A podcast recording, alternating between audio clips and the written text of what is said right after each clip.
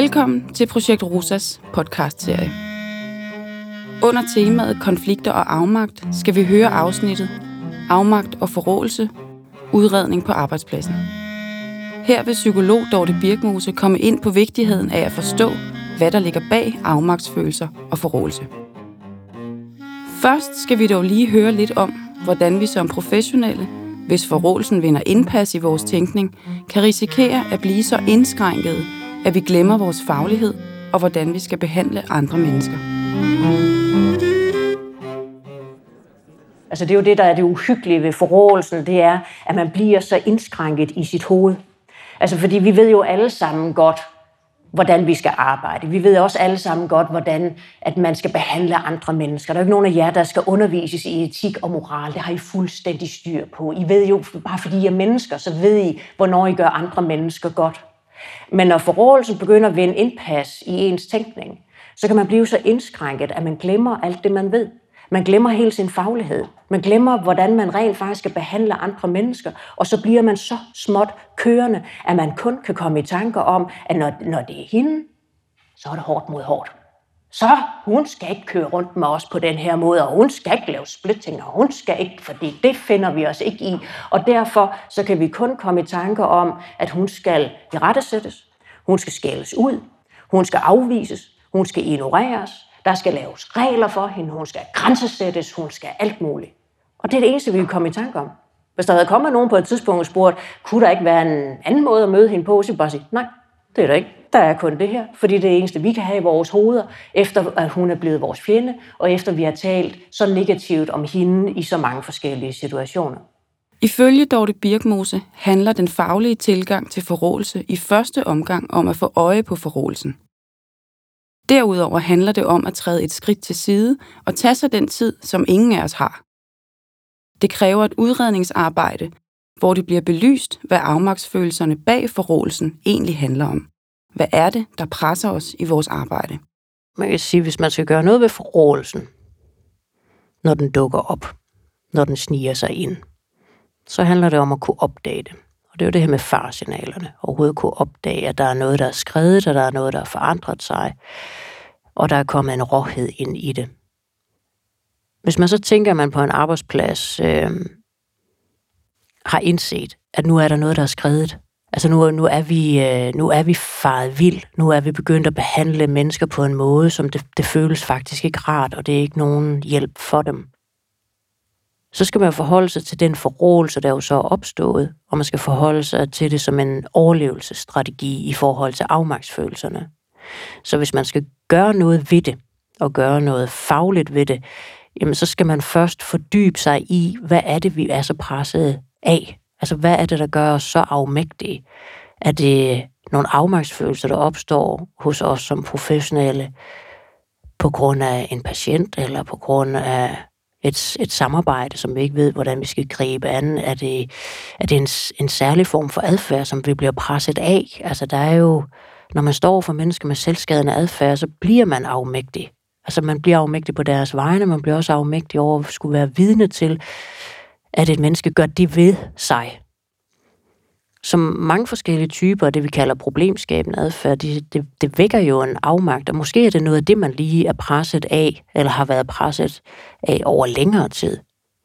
Men det kan også være afmagtsfølelser i forbindelse med samarbejdsvanskeligheder de professionelle imellem. Det behøver overhovedet ikke at have noget at gøre med hverken øh, øh, borgere eller, eller pårørende på ens vej. Altså, vi, vi kan jo have rigeligt at se til med hinanden med at få et samarbejde til at fungere. Og rigtig meget af psykiatrien skal jo gå, gå rigtig stærkt, og der er nogle, en masse, masse af overgange på kryds og på tværs, og hver eneste gang man har en overgang, så har man altså risikoen for, at det kan gå galt.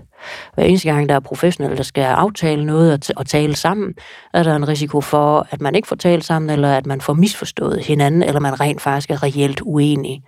Og lige snart der er samarbejdsvanskeligheder, så bliver, så bliver man som professionel dybt afmægtig. Så det kan det jo også handle om. Det kan også handle om, at man i forhold til de forskellige ledelsesmæssige niveauer ikke forstår de ledelsesmæssige beslutninger. Altså det kan man blive dybt afmægtig over, man øh, kan se, at der nogle gange bliver truffet nogle beslutninger, som man helt ikke er enig i, eller som strider imod ens faglighed, eller strider imod ens egne værdier. Og så skal man jo også stå der i nogle situationer, som professionelle afgør, skal jeg virkelig lade mig lede? Eller skal jeg gå solo på det her? Altså skal jeg, skal jeg gøre, som det passer mig? Og uanset hvad man vælger, så bliver man jo afmægtig. Man bliver afmægtig de gange, hvor man skal lade sig lede i nogle retninger, som man ikke selv kan stå indenfor. Det man begynder at forske i nu. Det hedder moralsk stress der, hvor man skal, altså, hvor man skal gøre noget, som, som byder ens egen moral imod. Det bliver man dybt, dybt afmægtig over meget stress i dag. Så jeg tænker, at de fleste professionelle har jo fiflet lidt med en anden ordning.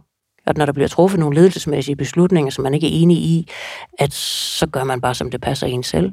Altså så, så, så, gør man, så gør man det, som man nu selv synes er bedst. Og det ved man godt, så er man illoyal. Og så ved man også godt, at man kommer til at modarbejde nogle af sine andre kolleger, så ved man godt, at så er der en, så er der en patient eller en borger her, som kommer til at betale prisen ved, at vi som professionelle gør tingene helt forskelligt. Og at vi i virkeligheden kommer til at rive og flå i en patient eller en borger, som ikke kan navigere i, at vi har vidt, vidt forskellige holdninger. Og det er jo en helt anden, igen en helt anden type af afmagtsfølelser. Så afmagtsfølelser er, altså der tror jeg egentlig, vi mangler ord i det danske sprog til at beskrive, hvor forskelligartede de er. Altså det er ikke bare et spørgsmål om sværhedsgrad. Altså fordi det er helt vidt, vidt forskellige følelser, som jeg kan få, når jeg står over for et menneske, som jeg har svært ved at hjælpe, i forhold til, når der er noget samarbejde med mine kolleger, som ikke fungerer. Og så er det igen nogle helt andre afmagtsfølelser, jeg kan opleve, når der er politikere, der beslutter, at man nu igen skal spare i psykiatrien. Og der bliver man nødt til at lave noget udredningsarbejde. Altså hvis man skal have gjort noget ved forrådelsen på den enkelte arbejdsplads, når den sniger sig ind, så skal man få ud af, hvad er det, vi er så presset af. Og man må ikke altid gøre det til et spørgsmål om patienterne. Man må ikke altid sige, ah, at vi har også mange af de tunge, og det er også meget at gøre, og det bliver mere og mere kompliceret. Det er ikke sikkert, det stammer fra det. Det kan det nogle gange være. Men det kan jo lige så vel være for vores manglende samarbejde, som har stået på i overvis, inden patienten overhovedet blev indlagt. Eller det kan afspejle sig i forhold til, at man synes ikke, at det, det fag, som man har, at man kan komme til med det, fordi der er nogle andre faggrupper, der dominerer. Så det kan være vidt, vidt forskellige årsager til afmagtsfølelserne. Og først når man har nogenlunde en fornemmelse af, hvad er det, vi er så presset af, kan man begynde at lede efter løsninger. Altså også på det her område handler det om at tage sig den tid, man ikke har, til at tænke nogle tanker færdigt. Altså virkelig blive ved med at tænke flere tanker i rap om, hvad handler det her om, i stedet for straks at skride til løsninger. Altså der, også på det her område får vi skabt mange fejl ved at forsøge at løse noget, hvor vi ikke engang forstod problemet. Altså, så det er udredning, udredning, udredning også på det her område. Der er mange ting, der kan presse os i vores arbejde, og det er ikke altid de svære patient- eller borgerforløb. Det kan også handle om samarbejdsvanskeligheder med kolleger, svære overgange, faglige uenigheder, ressourcespørgsmål eller ledelsesmæssige beslutninger, som vi er uenige i. Under alle omstændigheder er vi nødt til at kende problemet, før vi kan løse det. Og det er ikke nødvendigvis nemt. Der er ikke nogen nemme løsninger. Der er kun en lang, lang, sej proces, hvor mange på samme tid skal være trygge nok til at kunne erkende egen fejl og have overskud nok til så at finde på noget andet og mere konstruktivt at gøre. Du har lyttet til Rosa-podcasten Afmagt og forrådelse, udredning på arbejdspladsen. Projekt Rosa, relationer og samarbejde på tværs, siger tak fordi du lyttede med.